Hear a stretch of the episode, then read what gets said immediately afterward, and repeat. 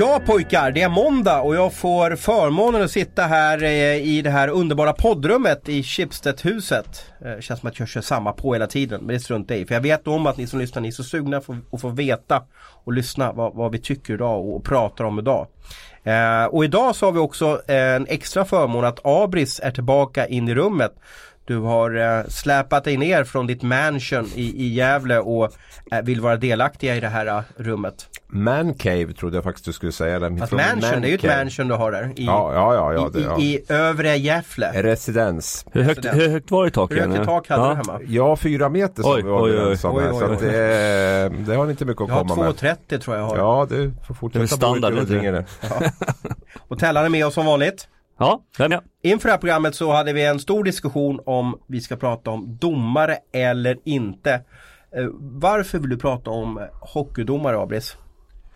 Jag vill prata om hockeydomare för att jag har blivit så förbannat trött på det här som har varit sista veckorna och månaderna här med allt gnäll som är. Och jag saknar konstruktiva idéer på hur, hur domeriet ska bli bättre och jag skulle också vilja att eh, domarna blir mer inkluderade i hockeyfamiljen. För jag är helt övertygad om att eh, domarna kan inte bli bättre om inte alla hjälps åt.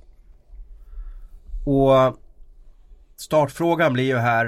eh, har vi dåliga domare i Sverige eller är vi bara mer gnälliga. Eh, kan du berätta Tellan vilka olika serier som du har spelat hockey i? Okej, vi börjar med Allsvenskan och SHL, gamla elitserien. Eh, sen har jag spelat i finska ligan, KL, AL, NHL. Så att jag har varit runt och spelat i de flesta ligor och sen en landslags naturligtvis Just också. och det gör dig lite unik för jag tror inte att det är så många som har den bredden som du har eh, att vara på olika eh, nationsisar. Mm, nej men det, det stämmer väl ganska, ganska bra skulle jag vilja säga. Och uh, kärnfrågan är ju då, har vi dåliga domare i, i SHL i synnerhet och i Sverige i allmänhet? Nej, det tycker jag inte att vi har. Däremot Vad baserar du det på då? Om du lutar tillbaka och utvecklar det? Nej men jag, jag, tycker att de är, jag tycker att de är kunniga. Så frågan är ibland kanske att alla andra tror att man har bättre koll på regelverket än, man, än domarna själva har. Och då blir det att man dömer ut efter sin egen liksom, eh, kapacitet och vad man tror själv. Är det att det här att gräset är grönare på andra sidan? Är det det som, som gör att vi, vi gnäller och tror att, att det är bättre utomlands? Ja men så tror jag att det är. Alltså de bästa domarna jag har haft är naturligtvis i NHL. Uh, eh, men det beror Varför också på... Varför är de bättre än SHL då? Vi har varit inne på det tidigare också men det är kommunikationen med spelarna det är mer avslappnat eh, på sätt och vis. Jag har sett lite tendenser tycker jag de senaste matcherna här att det varit lite öppnare från de svenska domarna också. Jag tycker att det känns lite bättre i vissa sammanhang. Speciellt, specifikt vissa domare. Men eh, jag tycker att det är Rent generellt är det väldigt mycket gnäll, det är väldigt mycket, tar väldigt mycket tid, man ska prata med domare efter varje avblåsning, ska man tycka och tänka om solklara utvisningar också så att Lägg mer energi på sig själv och fokusera på att göra mer mål istället.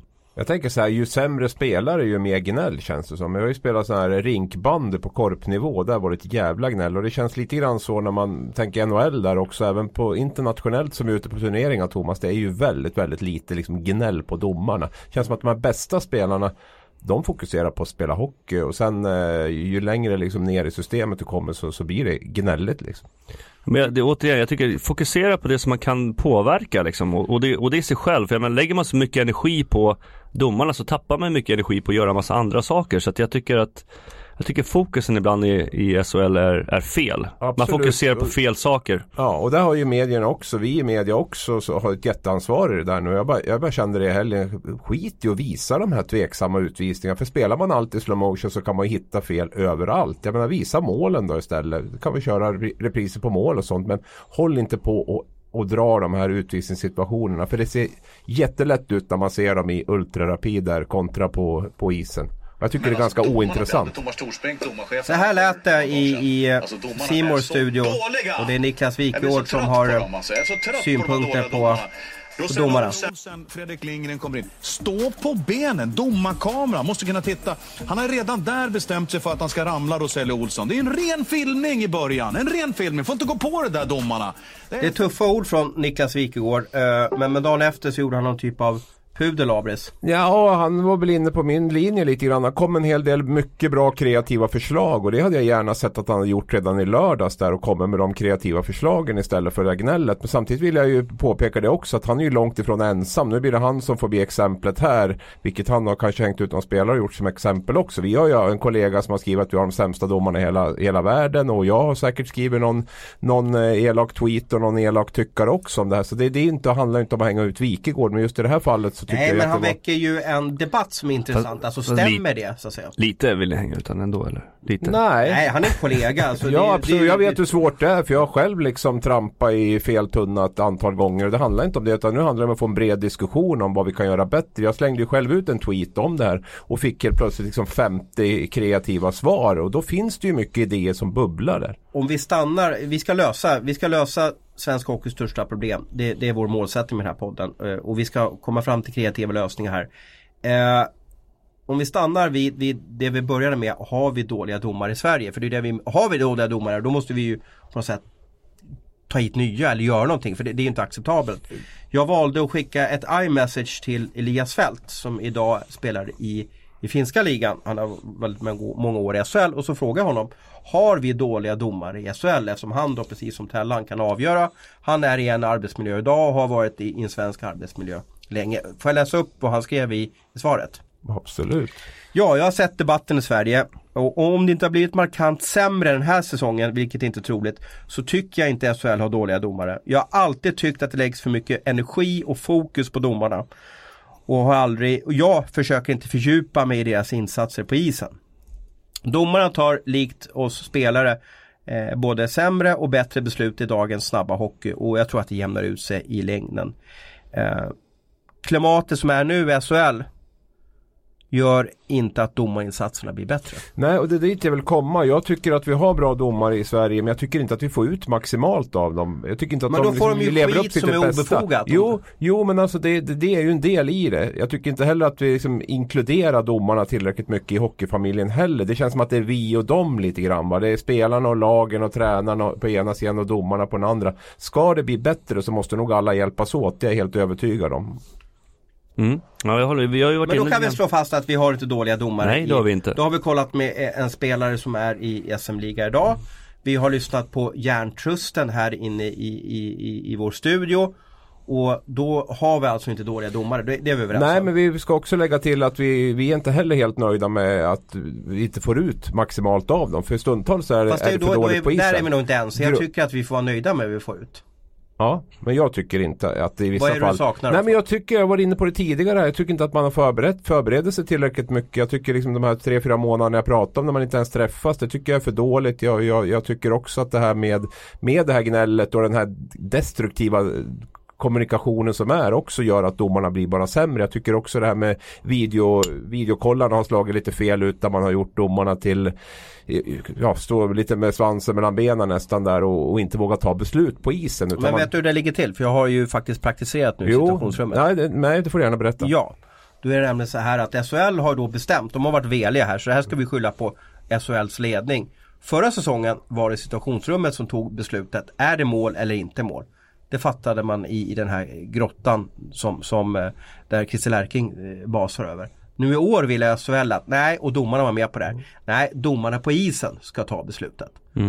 Så det är alltså de som Jo absolut, men det har ju blivit en, en, en där allt ska videogranskas och där man ska titta på allting och där man liksom inte får fatta ett beslut utifrån det man ser och känner utan allt ska ju tittas på. Det är klart att då vet ju domarna också att alla ser de här bilderna jag ser så jag måste ju göra en bedömning utifrån exakt de här bilderna jag ser. Och där har jag ett förslag. Låt situationsrummet ta besluten, inte domarna som står uppblåsta och svettiga och trötta i ett speakerbås ska de försöka avgöra på en iPad eller på en dator om det var hög klubba eller inte. Det tycker Fast det är jag, ju deras jobb att göra ja, men det. jag tycker Då behöver vi inte ha domare. situationsrummet med de här jätteskärmarna kan avgöra det på ett mycket snabbare tid än vad man kan göra Men de ska göra det tillsammans med domarna som Ja det men är jag, nu. jag tror att det är bättre om vi, vi lämnar det som det var förra säsongen. Låt situationsrummet göra det.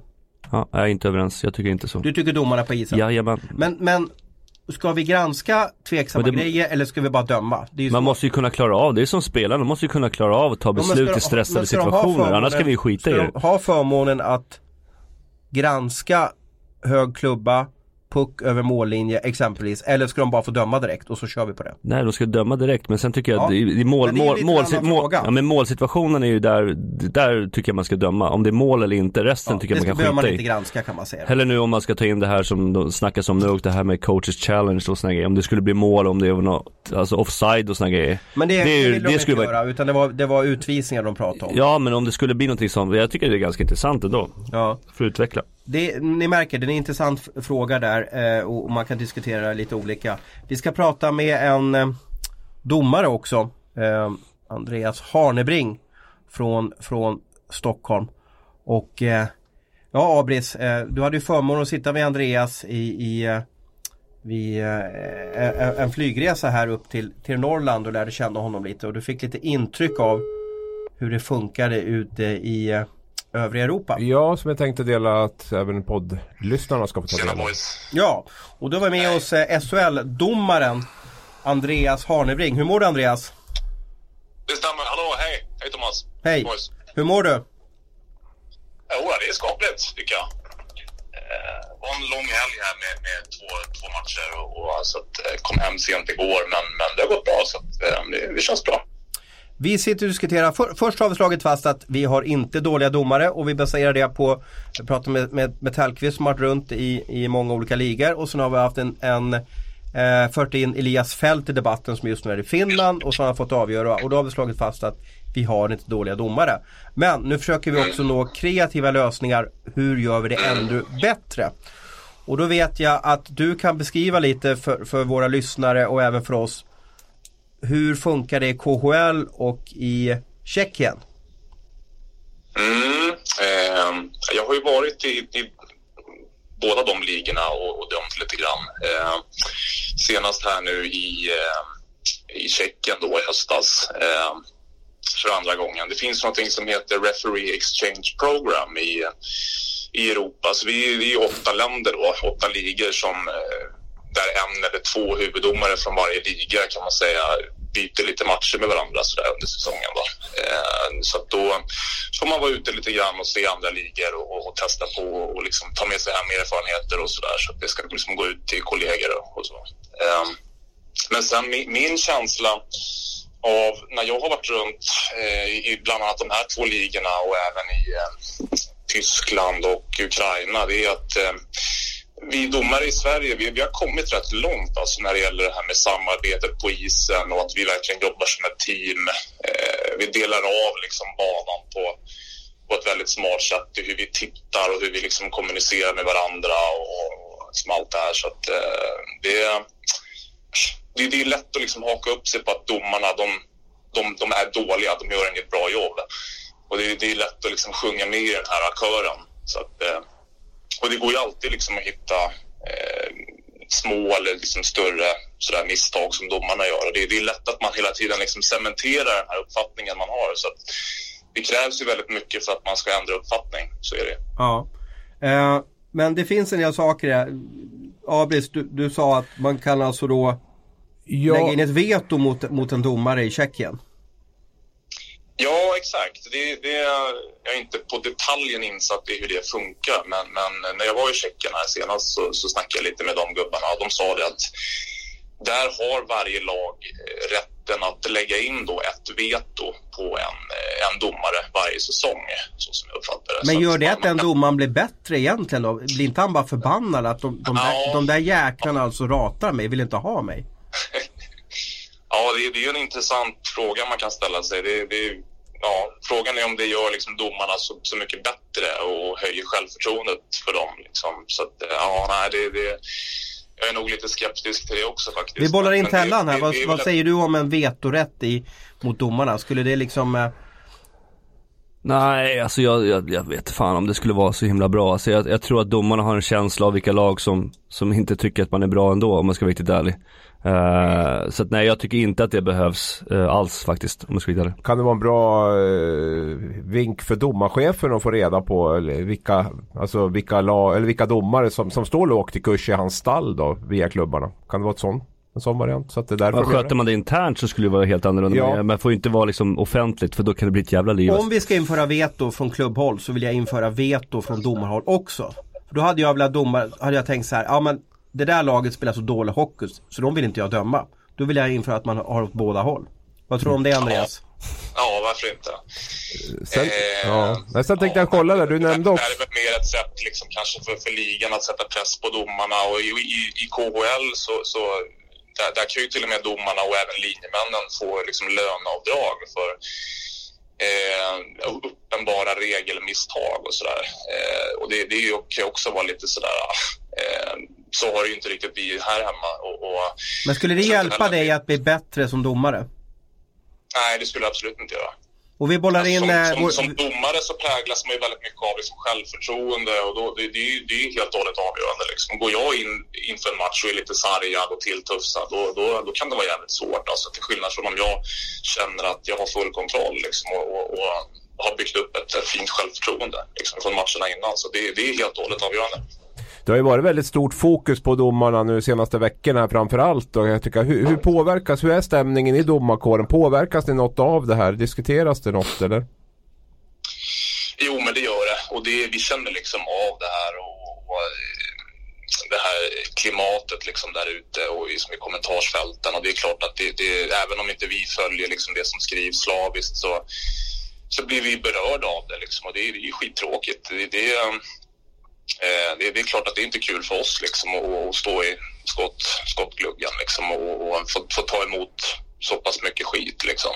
Eh, för det är ju de här liksom, dåliga 5 procenten som kommer fram. Eh, Medan den här, liksom, de här bra 95 procenten, de, de, de försvinner ju helt och hållet. Det finns ingen som lägger märke till dem. hur, vad har du för förslag? Hur, hur kan du bli bättre som domare? Vad behöver du för verktyg eller vad har du för kreativa tankar att du ska bli bättre som domare? Ja, det, där, är en stor fråga, men, men eh, jag tror att det är viktigt då liksom att vi hela tiden har en dialog med varandra. Alltså vi domare och, och lagen, spelare och ledare och att vi får reda på från dem vad, vad som hur vill ni att vi jobbar? Hur ska vi agera? Hur, hur, vad vill ni ha för domare? Liksom? För i slutändan så är det ju liksom ligan och lagen som, som bestämmer hur de vill ha det. Eh, hur vi ska leda matcherna och vilka regler som ska gälla och liksom allt det här. Och, och, och även att man kanske liksom mer från supporterhåll kan vara lite mer öppen och, och, och liksom träffa supportrar på, på olika sätt. Liksom, och få svara på frågor och liksom visa sig och så att även de kan få se liksom, att det finns en människa bakom och, och, och som, ja, som, som är funtad precis som de flesta andra. Liksom. Eh, så att jag tror att bara där kan man nog ta ner en del liksom, barriärer och, och liksom, bryta en del spänningar om man, om man skulle liksom, ja, eh, identifiera domarna lite mer istället för att man har avidentifierat under de senaste åren. Vad, vad är den största skillnaden tycker du? Om man, om man jämför SHL med KL och tjeckiska ligan, alltså vad, vad tycker du är, vad, vad är vad, markanta skillnaden? Ja, men om man ska hårdra det tycker jag så, så den, den absolut största skillnaden det är väl vart ribban ligger någonstans, alltså nivån för framförallt spelförstörande moment, alltså typ slashingar, hakningar. Eh, det, det tillåts betydligt mer i, i de ligorna. Eh, där går man inte in och liksom petar på samma sätt som domare. Eh, och gör man det, då, då blir det liksom väldigt irriterat ofta. Istället för att man, man, man ska släppa på. Då. Och, och de killarna som, som lirar där också, de, de kan liksom ge och ta på ett annat sätt. Det är inte det här att man ska ge igen eller att man eh, liksom blir grinig eller att man kastar en lång blick på domaren. Utan det är, eh, ja, de, de tutar liksom och kör på ett annat sätt. Det, det, det är min, min uppfattning. Och, och det såg vi i Champions Hockey League-finalen att det var en annan typ av hockey som, som utspelades där på isen i Skandinavium än vad jag var van med SHL. Jag hajade till att Wow, vad är det här för något på isen? Det här, det här var roligt att kolla på.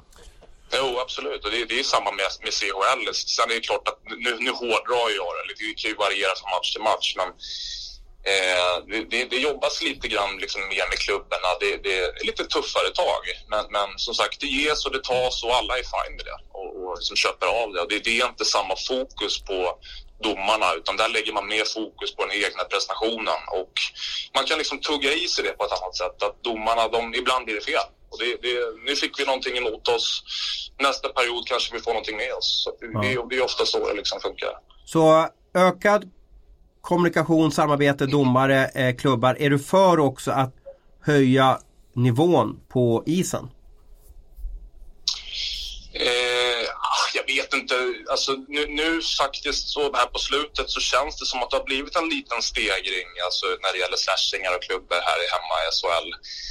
Eh, så jag tycker att det, det, känns som att det är en rätt bra linje liksom, för det, det premierar ju också de här skickliga, snabba spelarna och det tempot här hemma i SHL, det, det är väldigt högt alltså. Både i form av pucktransport och, och, och skridskoåkning. Om man jämför till mm. exempel med KHL. Jag, jag hade ändå två ganska bra matcher i KHL på pappret senast. Och, och, men jag blev inte alls särskilt imponerad av, av tempot faktiskt. Så, det är lite bandysvängar där va? Ja, men det, det, finns många individuellt jävligt duktiga spelare men, men, men lagmässigt och tempomässigt så, så går det inte lika fort som här hemma. Um, så det, det, det, är ett otroligt högt tempo faktiskt. Det, det, de, är, de är duktiga. Mm. Ja, vi tackar för din info, din input eh, och, och ha en riktigt trevlig hockeyvecka. Ja, grymt Andreas. Detsamma. Sköt om er. Ha det bra. Bra, hej. Jaha, om vi ska nå fram till, eh, nu är vi framme i den delen när vi ska nå kreativa lösningar. Och, eh, och eh, jag vill påstå att eh, Andreas är ju helt rätt ute. Ökad kommunikation mellan alla parter, det vill säga pratar man inte med någon som blir missförstånd. Jag är också inne på att, att kanske inte ska ha så mycket petiga utvisningar. För det gör bara irritation. Att vi ska höja nivån. Det är mina två grejer till jag tror att vi kommer få eh, det folk uppfattar bättre domare för det blir inte så mycket tjafs och jag tror också att spelarna kanske accepterar domarna mer. Nu Abel, nu får du säga två kreativa lösningar. Hur skapar vi bättre domare så vi slipper att fokusera på tyckare där det står att vi har Sveriges, eller världens sämsta domare och att vi, vi, vi, vi får en, en arbetsmiljö för domarna som är i harmoni. Färre repriser och sen skulle jag vilja se... Du vill ha censur alltså? Ja, du högg du direkt på den. Ja, men jag skulle vilja se att man, man, man tar bort, eh, man fokuserar inte så mycket på repriser på, på hakningar eller, eller eh, trippingutvisningar eller vad det är för någonting. Fel blir det, det måste alla bara acceptera. Men kan du lova här då på stående fot nu så att säga, lite som man gjorde i Sällskapsresan? Med handen på Färjestad-vimpeln här. jag lovar och svär, säg efter mig. Jag lovar och svär. Att jag inte skulle, ska belysa domarskandaler resten av säsongen. Eh, att jag inte ska belysa domarskandaler efter säsongen. Nu handlar det också resten om att jag, resten av, nu handlar det också om att jag har ju inte all makt på Aftonbladet och eh, det kan ju även bli så att man eh, begär att jag ska skriva om en händelse och då måste jag ändå skriva vad jag tycker. Så att jag tycker att du sätter mig i ett jäkligt taskig Men du kan skriva så här, jag lovar oss för att försöka att inte fokusera på domar. Nu bad de två förslag. Jag tänkte man kunde få ta de två förslagen bara utan att vi fastnar i. Nu har jag nästan glömt bort vad andra var. Men jag skulle vilja se att domarna också jobbar mer professionellt professionellt, jobba mer under hela året eh, med eh, bedömningar, snacka situationer även på, på sommarhalvåret där och att eh, inkluderat i det att kommunikationen med klubbar, spelare och eh, ledare blir mycket bättre. Ja. Och jag älskar domare, jag ska avsluta med också. ja. Nej men jag kan garantera och svära mitt hjärta att jag ska lägga så lite fokus det bara går på, på domarinsatser resten av säsongen. Tellan, du får också förmånen att ja. säga någon sak som du tror kan göra att, att allmänheten, hockeyälskarna, eh, mediaexpertisen och så vidare tycker att domarna blir bättre. Vad har du för kreativa jag har, en, jag har en regel som jag vill ta bort helt och hållet faktiskt. Det är det här med slashing mot klubba. Den kan, den kan du skrota helt och hållet. Hur menar du då? Så ja, nu är vi en podd tyvärr. Ja jag vet men jag tycker att varje gång det blir en slashing mot klubban, spelarna släpper klubban och det är jättesvårt för domarna. Håll i klubban. Ja. Jag, jag tänker rikta det här lite grann mot, mot spelarna. Jag vet att ni har varit inne och Jag tycker att spelarna ska ta ett större ansvar också och låta domarna sköta sitt jobb och Men inte gnälla på. Om man på klubban så, och, och man tappar klubban och sträcker upp händerna. Ja, ja den regeln är helt oduglig. Jag gillar den inte alls. Men får man slå, alltså göra en ved, alltså Nej, om man slår av klubban med ett jätteslashing, det är klart det ska vara ut. Men gör det här med att man släpper klubban bara och det ser bara löjligt ut. Det är lätt att förstärka det. Ja, verkligen. Och sen att just det här som jag var inne på nu då, precis att spelare måste ta större ansvar också. Uh, och hjälpa domarna på sätt och vis också. Att alltså, inte åka och filma. Inte, inte jaga powerplay. In, inte jaga powerplay, inte åka och gnälla hela tiden. Fokusera på ditt eget spel också. Och då får vi en bättre miljö med domarna också. Bra att du tog upp det där med filmningar för det är ju det, är ett big no-no alltså. Det, mm. det, tycker jag, man ser tendenser på att ökar igen och det, det får du bara ta bort. Det är ingen som vill ha det där. Det är ett skit rent ut sagt. Kan, man bara sitter och njuter av den här handbollsmästerskapen eh, där, där det liksom är ge och ta och det här som Och att de på. lyfter upp varandra Ja, också. det, är liksom, det, det, börjar komma in igen nu mer och mer med filmningar. Nu hoppas jag att man sätter ner foten för det, har en tendens att eskalera. När det väl börjar få lite fotfäste då, då är det som att det ökar, ökar, ökar. Så här gäller det nog att vara ganska tydlig med vad som gäller. Eller väldigt tydlig. Får jag tjata om min eh, prao här som jag gjorde i torsdags Ja, i ja, ja. situationsrummet? Ja, det älskar jag att göra. och då ställde jag ju frågan där till, till eh, till, eh, till situationsrummet. Vad var det som var svårast att dela ut i efterhand då? Det vill säga, och då sa de att ja, filmningar är, det spelar ingen roll att vi har åtta kameror, det är jättesvårt att avgöra om det är en filmning. Och då är det ju svårt att sätta dit filmarna också. Ja. För troligtvis så, tror inte rätt heller att det filmas väl i varje match? Det tror jag definitivt. Ja, och det är inte- det är inte definitivt förstärks, gör Ja, det. ja, det har filmats eller förstärks eh, väldigt mycket men det är väldigt få som åker Men- dit. men- är det fyra, fyra, fyra, fem fall på hela säsongen kanske? Men tar man någon som är lite tveksam, då vet ju den personen nästa gång att man inte kan förstärka också. Så då blir, det kan, kommer ju bli något fall där det blir så här, ja jag filmade inte men, ja får man igen det sen. En av de få fall som har dömts var väl dessutom helt felaktigt med Bristedt. Det är Leon Bristedt ja. Och då blir de säkert oroliga i situationsrummet eller referensgruppen eller disciplinnämnden att de måste vara grymt säkra Men på där måste ju spelarna och klubbarna ta ansvar också. Där måste ju klubben vara tydlig mot spelarna vad som förväntas av dem på, på isen. Att man håller inte på med det där. Man håller inte på och filmar om man spelar i den här klubben. Vilken det nu må vara av de 14. Då har vi tre ämnen kvar. Eh, Abris, du som är äldst i sällskapet, du ska få välja vad du vill ha. Vill du prata om Brandon Shinnimin? Vill du prata om värvningarna inför eh, transfer deadline i fredags? Eller vill du köra quizen? Eh, jag skulle vilja se till att vi om nio minuter kan ringa Patrik Sylvegård och diskutera värvningarna. Så då kanske det är lämpligt att vi trycker in Kinnimin nu kanske då? Ja, det kan vi väl göra. Ja. Då har vi några minuter att avhandla med det då. As eller kalas? Precis, du älskar, det är ju alltså, eh, måste berätta för er, eh, om ni är trogna poddläsare så, så har ni säkert märkt att det är lite putslub, rub, eller putslustiga rubriker på våra poddavsnitt. Eh, jag har inte den hjärnan så jag får till de där eh, roliga rubrikerna men, men det är Abris då som, som eh, leker med orden, kan, kan vi kalla det för det? Vad vad får du allting från? Nu, nu skriver du alltså Brandon Shinnimin as eller kalas. Det, det låter som att det är en blivande podd, också. Ja, det har jag faktiskt inte tänkt på men det kan det kan ju faktiskt vara. Ja, det låter ju Men som drar du många, drag i drar du många one-liners Nej, hemma i nej, soffan? nej. Jag vet inte hur det har blivit sådär. Det bara kommer och de är väl mer eller mindre lyckade kan väl vara överens om. Men beskriv lite, Brandon Shinnimin eh, spelar i Växjö, är forward, Mm. eh, skolad i Nordamerika. Varför ska vi prata om honom? Jag satt och tittade på Växjö-Brynäs, eller jag jobbade på Växjö-Brynäs rättare sagt och, och, och, och satt faktiskt och tänkte det. Tänk om det fanns Tänk om alla SHL-spelare var som han, Vicky. Då hade vi inte snackat publikkris överhuvudtaget. Och så tänkte jag, tänk om en spelare i varje lag var som han. Då hade vi inte heller snackat publikkris. För Men är, Är han, nå- är han eh, en, en typ av Andreas Jämtin-typ? Är det så du menar eller? alltså, han är en Brendan Kinnamin typ, så jag kan inte jämföra med något annat. Men vad Alltså, är, vad är en Shinnimin Ja, det, alltså, det, det är ju det är verkligen all in på alla plan. Det finns liksom inget filter överhuvudtaget. Om det så gäller att han ska försöka göra mål, om man ska tjafsa med en motståndare, om man ska ramla lätt eller om man ska uppvigla publiken. Man känner verkligen att han är där till 100% och det kan jag ibland sakna på väldigt många håll måste jag säga. Och det, då kände jag så här, åh, vart jag så här varm, så här skulle man vilja ha. Samtidigt så ser jag ju också en problematik med att han retar ju gallfeber på motståndarna med att eh, provocera och sen när de kommer fram till honom så ramlar han väldigt enkelt. Så jag, har ju, jag har ju, kan ju förstå den andra sidan också. Men som neutral hockey, ja, publik och även jobba hockey så, så är det ju... Jo, ja, du hade, vi färg, vi du behöver hade inte- Färjestad-halsduk på dig Ja, ja precis. Och Luleå var väl också nästan halsduk på där senast. Va? Så att, men eh, nej men eh, det är ju en spelare som man verkligen, vi behöver inte färre av dem utan vi behöver fler av dem tycker jag. Ja, jag håller med. Jag älskar när spelare har känslan på utsidan av tröjan. Alltså det, är, det är häftigt. Det är bara att kolla på hans sista fem matcher mot Rögle, 22 minuter utvis minus ett. Nästa match kommer in så har han fyra poäng direkt liksom. Ja. Men, men eh, varför blir det inte fler typer som Brandon Shinnimin? Eller har man det i ryggmärgen att man vågar vara sig själv och att, att man är så uppe i varv under matchen också. Man har lite svårt att kontrollera vad som sker. Mm. Ja men jag, jag tror att det beror lite grann vilken miljö man är uppväxt i. Jag tror att många av de här svenska spelarna är väldigt kuvade, alltså de är väldigt rädda för att liksom och, och, Sticka och se- sticka ut och säga saker för de vet att det blir konsekvenser. Jag tror att är man en importspelare så är det lättare för att man har liksom inte samma grepp på vad som händer ute på sociala medier eller vad som händer i, i medievärlden eller vad som händer på läktaren på samma sätt utan han kör sitt race bara rakt ut.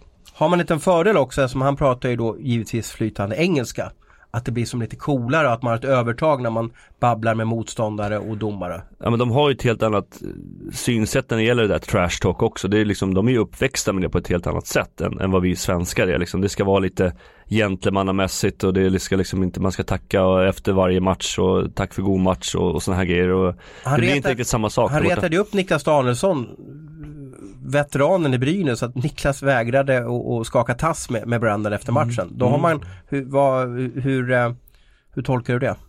Nej men det är det här med det här gentleman, det här blir en stor grej i Sverige för att det, man ska ju tacka Jo men motståndaren jag menar, efter han har gjort varenda Niklas match. liksom. förbannad under matchen. Ja, och Niklas är också, han har ett jäkla pannben också, det ska alla veta också, att han blir jä- jättelätt grinig. Jag spelar med Niklas, så jag vet det också. Så att det är två väldigt griniga människor som, som tycker helt olika saker, som ska ta varandra i handen efter matchen. Det är, det är som två motpoler. då har väl Brendan lyckats, har han inte det? Ja, det har han Jo, gjort. jättebig Mm. time och han, då Växjö vann matchen och han fick med sig ett par utvisningar Kinnemin på grund av det där och han var eh, offensivt delaktig också där, så att han, han vann ju den matchen jättemycket poäng och det vet ju Niklas om också. Det gör väl kanske frustrationen ännu större för han vill ju inte att Kinnemin ska gå segrande ur de där striderna. Det tycker jag är en utmaning också för de lag som möter dem. För man vet att liksom, han åker fram mot Niklas Andersén och Andersén tar ju runt nacken på honom och han ramlar jättelätt. Men, men bara att han kommer fram mot den så vet man att här, jag får liksom inte falla här. Jag får inte liksom göra den här grejen nu och, och ta honom runt nacken utan jag ska bara flina åt honom och åka därifrån. Men, eh, så, Men vi tycker att det här är bra med honom så kan vi säga. Bra- Brandon for president just nu. Att vi behöver fler Brandon-typer. Vad, vad när du var i Djurgårdens omklädningsrum, för det var där du var mest och, och ni ska möta en, en Brandon-typ på isen. Hur pratar man då i omklädningsrummet inför mötet med honom? Vad, vad, vad ger man för råd till varandra för att inte hamna i hans grotta? Man låter honom vara i stort sett. Går det då? Ja men man, man försöker, det blir ju så, får han inte gensvar för sin, vet du, det, han åker runt och pratar med så blir det liksom, det genererar ju ingenting. Utan man brukar säga på engelska finns ett uttryck, let them sleep brukar de säga, låt dem sova liksom. Eh, låt dem bara göra sin grej och det är samma med flera andra som åker runt och snackar hela tiden. Det har ju, du nämnde Jämtin förut också, han vill man ju inte få in att man ska åka runt och snacka så mycket. För jag- då är han tror- som bäst. Tror du Kinnaman har en hitlist i varje lag? Det vill säga att om, om, om Växjö möter Djurgården, äh, men nu ska jag ta den där Tellqvist. Alltså jag ska babbla med honom oavbrutet. Jag ska trycka in klubban lite bakom skylten Han, han får nog direktiv också. Han, han gör nog sin egen research vilka spelare som han vill komma under, under skinnet på och samtidigt som det finns säkert direktiv från, från tränaren också att han får liksom direktiv på att vet du vad, nu är den här spelaren het. Du kanske ligger på honom lite extra eller den här spelaren kommer försvinna helt ur matchen om du är på honom. För vissa spelare är ju så också. De vill gärna ha en mjuk och skön resa, lite grann åka runt och slå lite flippmackor. Men är det någon som är på dem hela tiden så försvinner de ju helt från matcherna. Så att det, det finns nog en gameplan på det också. Och där är ju också säkert det motsatta och det kan man ju fundera på också. Hade Brynäs gjort väldigt tydligt inför matchen att grabbar, den här killen, vad som än händer, låter inte provoceras. För det tror jag också hjälper till om man har det mindset när man går in i matchen. Att han kommer att komma, vi måste vara beredda på att det kommer att bli så här. Då tror jag det är lättare att undvika också att falla in i, i, i hans fälla. Mm. Vad, eh, vad använder en sån där kille för, för vokabulär på isen? Vad, gör, vad har han för verktyg för att få Mikael Tellqvist att, att bli galen? Det beror nog lite på. Jag var inte så jätt lätt provocerad så här, utan jag hade ganska bra fokus på det jag gjorde. Men det kan ju vara allt från eh, flickvänner till, eh, ja gud hans moster. Flickvänner, pojkvänner, jag har ingen aning vad man, vad man än gillar. Men det kan vara precis Men vad han som har ingen helst. koll på svensk hockey men han, han läser Han på. har ju komp- lagkompisar i laget och jag menar, hockeyfamiljen är ganska liten så att det finns nog skit om de flesta spelarna är så aldrig tror jag. Ja precis och det går väl att hitta på också. Det behöver väl inte vara sant heller. Man kan väl säga vad som helst. Nej, rykten funkar ju också. Ja, ja.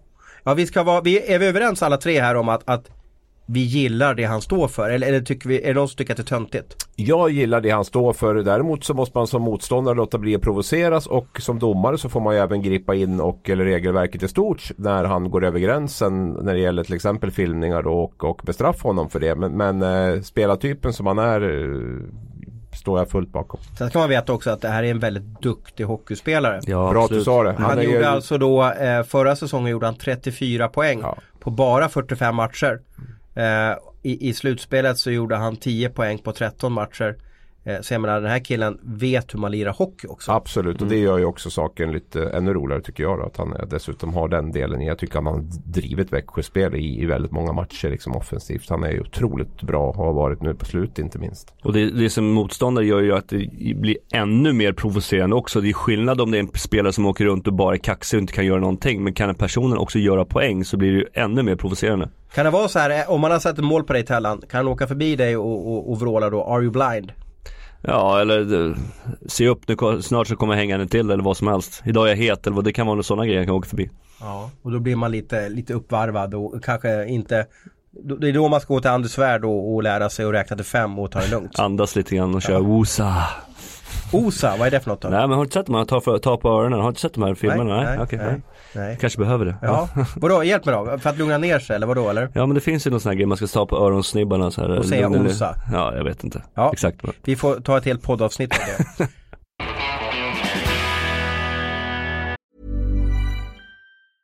Quality sleep is essential for boosting energy, recovery and well-being. So, take your sleep to the next level with Sleep Number. With a Sleep Number smart bed, you can individualize your comfort level and enjoy a better sleep night after night. JD Power ranks Sleep Number number 1 in customer satisfaction with mattresses purchased in-store. And now the Queen Sleep Number C4 smart bed is only $1,599, a saving of $300 only for a limited time.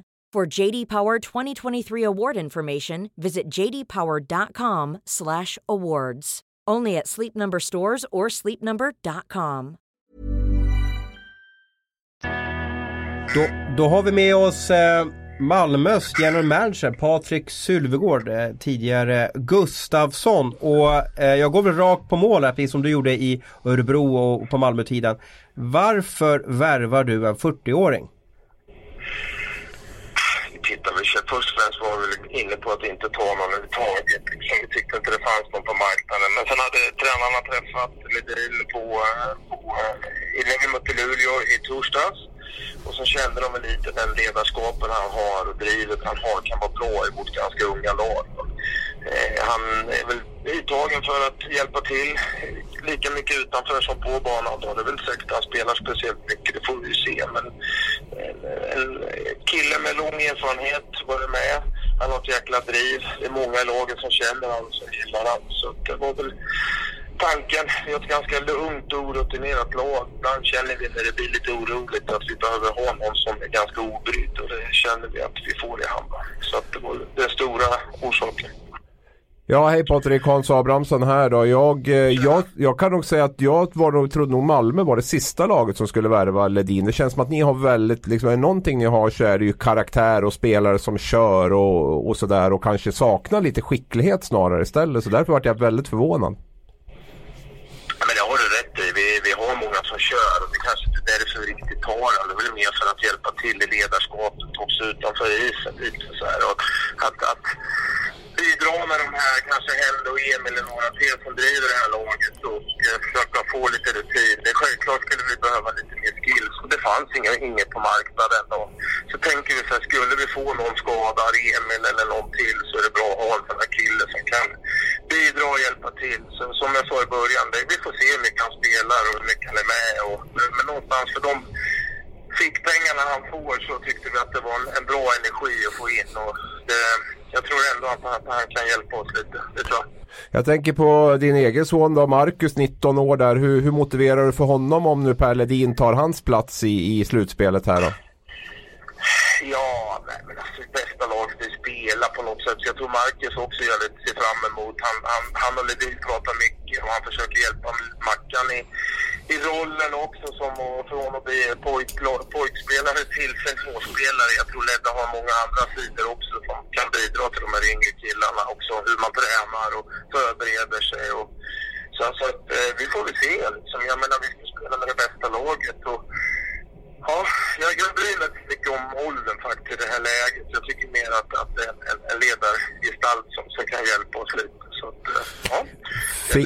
Alltså, ja, vi, vi var fullt medvetna om att det kunde bli lite kritik på den här värvningen och vi ser inte riktigt så. Vi tycker liksom att för de pengarna, vi hade inte meningen att vi skulle ta någonting. Så, så ville han ner och han sa okej, okay, vi kör och Peter träffade han och fick ett bra intryck. Och så, så körde vi.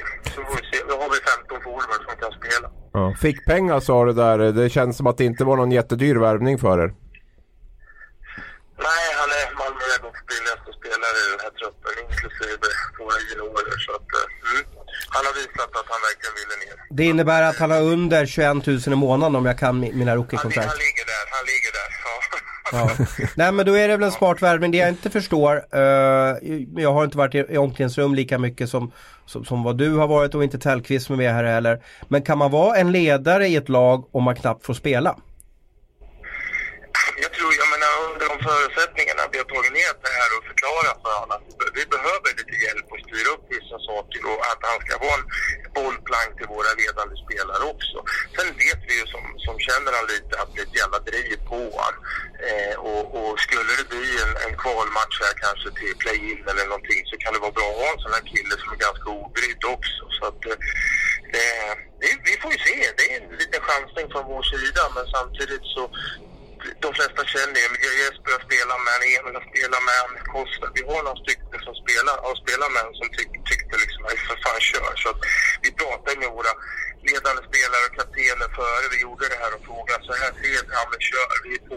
Liksom, det, det är en, en god kille, jag tror han kommer passa in bra i laget.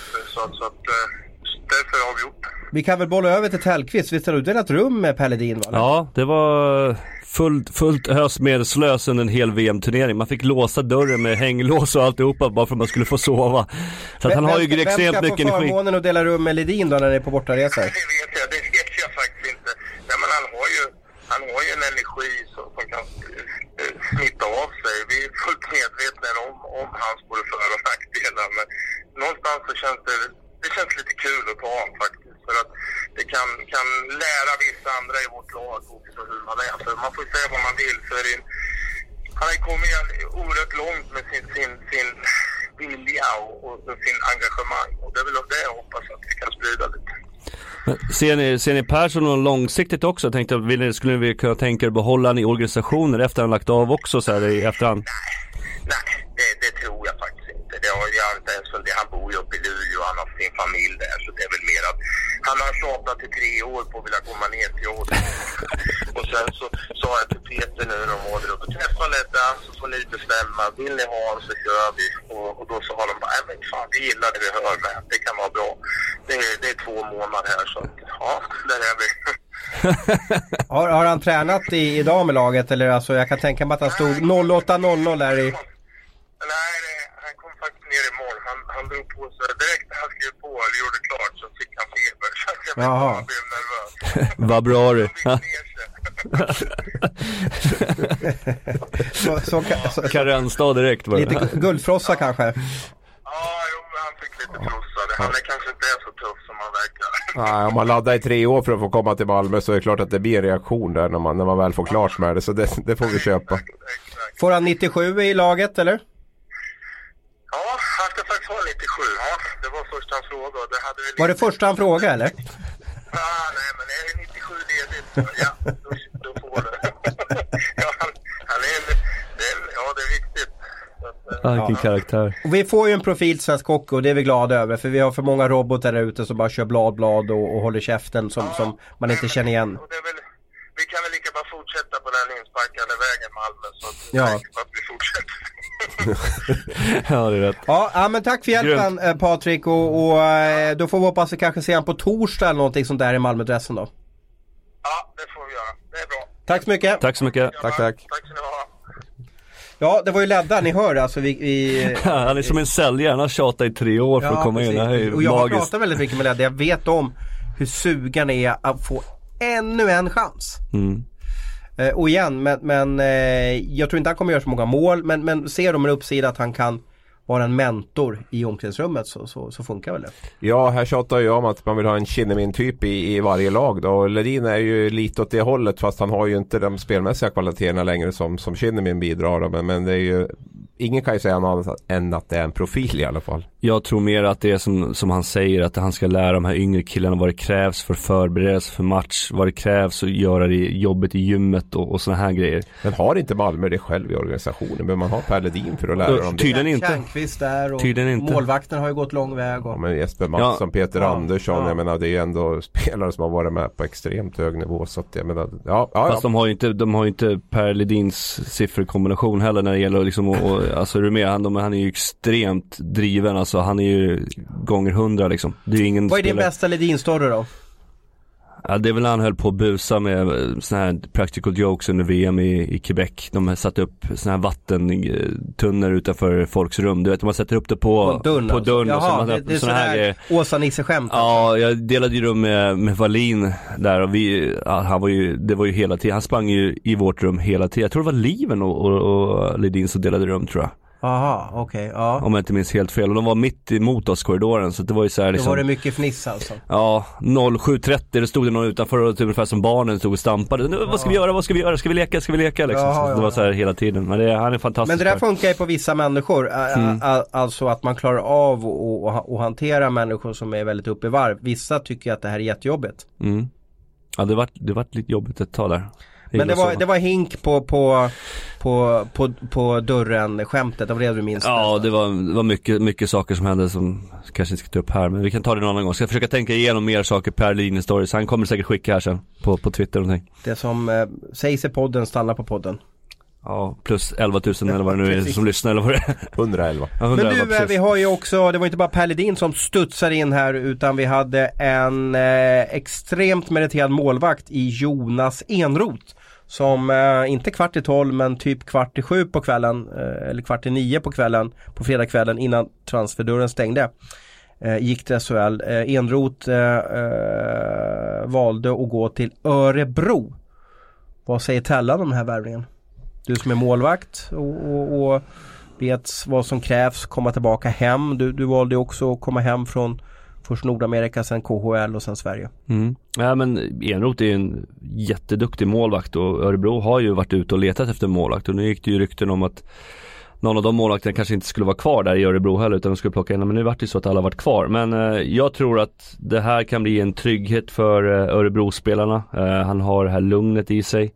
Eh, jag tror att det är lättare att spela i SHL med tanke på defensiven, hur man spelar här med, som vi var inne på tidigare med klubba mot puck och sådana här grejer. Så att jag tror att det blir en lättare övergång också för honom att spela i, i Örebro jämfört med Minsk som också är ett bottenlag i KL men där han nog betydligt får se mycket eh, farligare chanser emot sig än vad han kommer få göra i Örebro. Nu har alltså Örebro en målvaktsstav av Eero Kilpeläinen, Stefan Sten som höll nollan i, i lördags och så har man Jonas Enroth. Hur funkar själva målvaktslaget i laget då? Ja, det, kommer nog bli, det kommer nog bli stelt. Jag tror att eh, Sten gjorde även en bra match eh, på, Fredags. på fredags också när Djurgården så att eh, han har ju tagit några kliv till. Det ska vi säga. Försvarsspelet i Örebro har också blivit bättre. Eh, Sten har ju fått en del kritik under året men jag tycker att han har ju skött det extremt bra. Han såg väldigt lugn ut de här båda matcherna. Eh, däremot för Ero så tror jag att han är väldigt grinig. Eh, på, på Örebros ledning. Jag tror att det kan, jag tror att han vill nog gärna bara åka hem så fort som möjligt. Hur tänker Jonas den här gången? Jag, för jag skulle ju känna mig lite så här obekväm när jag kom dit. Liksom. Man kände att Åsten och Kilpeläinen bara, de vill bara inte att jag ska komma hit ungefär. Liksom, så. Hur, han, han har varit med så pass mycket och i så många olika sorters Ja. miljöer så han kanske inte bryr sig. Nej, alltså det, han försöker nog fokusera på sitt men jag tror att som, som spelare kan du nog känna av den här stämningen mellan målvakterna. Eh, Speciellt, som, som tur var så har ju Jonas varit borta i Nordamerika där extremt mycket att man nästan hoppas att den andra målvakten ska spela dåligt. Det är lite den känslan jag kan få kanske nu när man har tre målvakter också. Det blir liksom att man nästan önskar att det ska gå lika dåligt för, för, för Jonas när han kommer in som kanske har gjort Hur, hur tidigare. för bedriver man en träning med tre målvakter?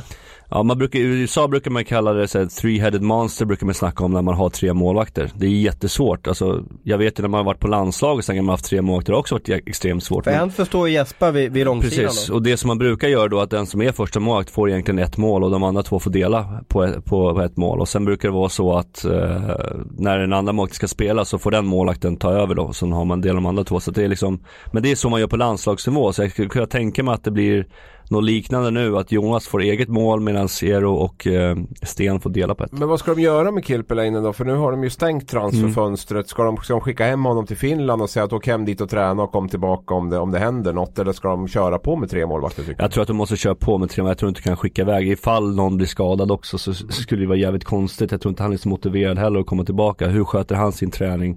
Om man åker hem direkt sådär. Nej jag Men det förstår att det inte är rykten. optimalt. Men, men, men jag tänker det är ju inte helt optimalt heller av de tre. Därför jag kan tänka mig att Sten och Kilpeläinen kommer få dela på ett mål. Och de kommer väl kanske inte att, känna sig så här supermotiverade. Sten känner jag att det är en, en helyllekille så jag tror att han... Eh, Ja, men han, har ju, han har ju en helt annan roll också. Kippelainen vill ju vara första målvakt. Han måste ju se efter sitt eget hus och vill liksom ha ett nytt kontrakt nästa år. Jag tror Sten, som det ser ut just nu så är han en, en fullt kapabel, bra andra målvakt i SHL. Eh, så det är lite skillnad. Eh, det är inte samma lönekuvert heller på han som, som på Kippelainen också. Så att där är ju skillnaden, jag, som jag ser det.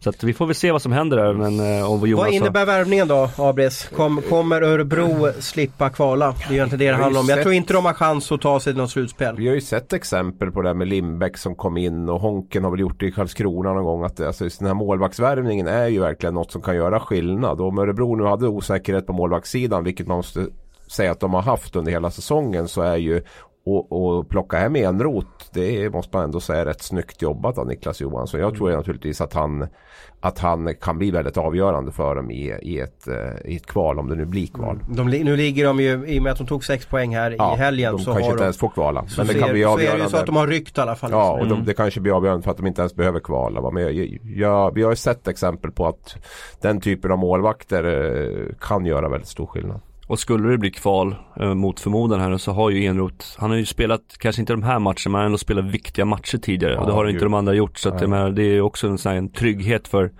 för spelarna i laget att känna att han gör de här viktiga räddningarna viktiga lägen liksom. Det är väl det som är skillnaden på en toppmålvakt och en, en bra SHL-målvakt. gjort, gjort en bra säsong måste man ändå säga KL. Det har stått Mm. enormt mycket i ett ganska dåligt lag. Men, men, men så det är ju ingen målvakt som har suttit på bänken som kommer dit. Utan han, är ju, han spelar över 50 matcher tror jag. i år. 52 precis, 52, 52, ja. Elite prospect. Precis, han hade som en liten grej där han sa att han har stått eh, 52 matcher i Minsk. Mm. Och sen hade han spelat 10 försäsongsmatcher med Minsk. Och eh, nu vill han nå upp till 70 matcher hade han som Mm. en grej. Jag, jag frågade inte varför det, men han sa att det var kul att stå 70 matcher på säsong. Varför tror han så- var så Tellan?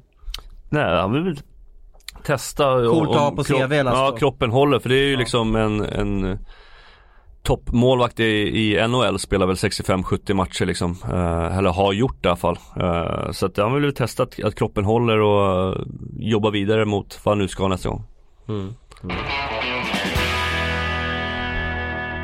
Jaha, quizen kommer sist i, i dagens podd. Det brukar det inte vara utan vi brukar ha den mitt i. Men, men eh, strunt samma. Det kan vara skönt att avrunda med en tävling mellan Hans Abrahamsson och Mikael Tellqvist. 6-2, har jag rätt på siffrorna då Abris? Eh, ja, det låter bra. Det känns som så här liksom att det, det är ett hopplöst läge för Tellqvist att hämta igen. Det, det känns som att eh, Jag måste bli snabbare på att skriva tror jag. Ja precis. Du kör ju alltså via uh, tävlingen går till så att eh, jag kommer läsa från 5 poäng ner till 1 poäng och den som skickar ett sms till mig först med, med eh, ja, rätt svar då får, får ju givetvis poäng på den nivån om, om det är rätt svar igen. Är det, är det fel svar så blir det ju inga poäng som delas ut. Men vi kör väl igång då. Eh, personen vi söker slog igenom elitserien 2007 och eh, hans första hund hette Lissi. Nu är tillbaka med de här djurfrågorna igen. Precis. Slå Och så ner. kommer du att säga nu, men att ni inte kan det på fem poäng. Det är jättelätt. Ja det säger jag faktiskt. Lissi. ja. Nej, fyra. ja. Eh, draftades eh, 2008 av Buffalo. Tänk I Elite lite. Prospect så står det att han är 178 cm lång. 2007 Modo vann SM-guld den säsongen. Eh, Har Tellan svarat redan? Vi har fått svar på fyra poängsnivån. Nej, fan dopad. Här tre. Skolades i Huddinge. Och eh, därefter valde han Södertälje att fortsätta eh, sin eh, juniorskolning som hockeymålvakt.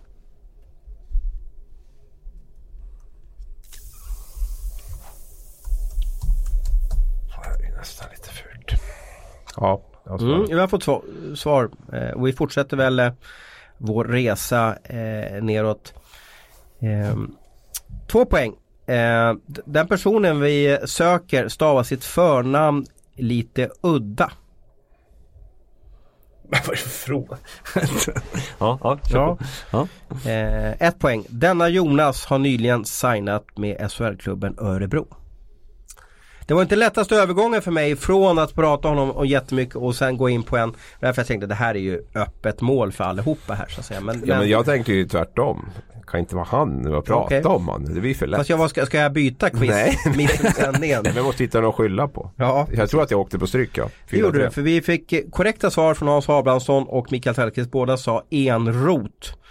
Eh, och eh, Tellan tryckte in det på fyra poäng och Hans Abrahamsson på tre poäng. Vad var det du tog det på? Ja, men jag visste att han var där, för jag var i Buffalo när han var där. Så att han Okej. var ju liksom, eh, så jag tog det på det och sen 2007, det kändes som att Inte det var på rätt. Lissi alltså? Nej, Lisse hade jag ingen aning om. Faktiskt. Nej, det är inte supermycket svenskar i Buffalo under en period där heller. Nej, det var det och det var Talinder och så var det typ jag och sen eh, tror jag inte det var så himla mycket mer svenskar. Så det var därför jag, jag tänkte, han var i den organisationen just då när jag var där så då drog jag en chansning. Gick hem. Blev, Kul. eh, blev Grattis. mycket enrot i det här programmet till slut i alla fall. Ja men det tycker jag han är värd. Våran Ja. VM Bra värvning. hjälte Vilken var roligaste värvningen då? Jelenas till Rögle, Per Edin till, till Malmö eller Enroth till Örebro? Vad var det ni som, som ni var det no, vid någon värvning som ni satte kaffet i halsen? Ja men det var väl Enroth i så fall. Ledin också fast på ett annat sätt måste jag säga att jag varit mer förvånad. Eh, Enroth är ju en snygg fjäder i hatten ändå att plocka hem. Även om det liksom kanske skvallrar om lite panik i leden i, i Örebro så måste man väl ändå ge Ge dem för att eh, få hem ett sånt namn. Det är inte helt enkelt. Nej, Enroth väljer ju också mellan att han är väldigt cykelintresserad. Alltså gillar cykla i bergen. Han väljer ju att ta en månad i, på Kanarieöarna. Och, och cykla och ta det lugnt för säsongen är över.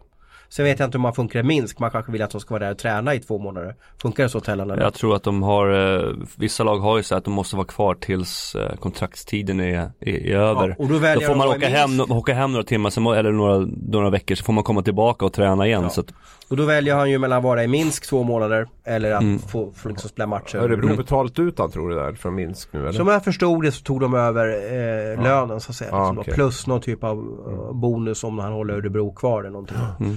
Eh, så att jag menar, eh, vad, vad, kan, vad kan en lön, i- målvaktslön i Minsk ligga på Tellan? runt miljonen skulle jag säga. Dollar. Dollar. Dollar, ja. Så cirka 9 miljoner per säsong i alla fall. Mm. Då.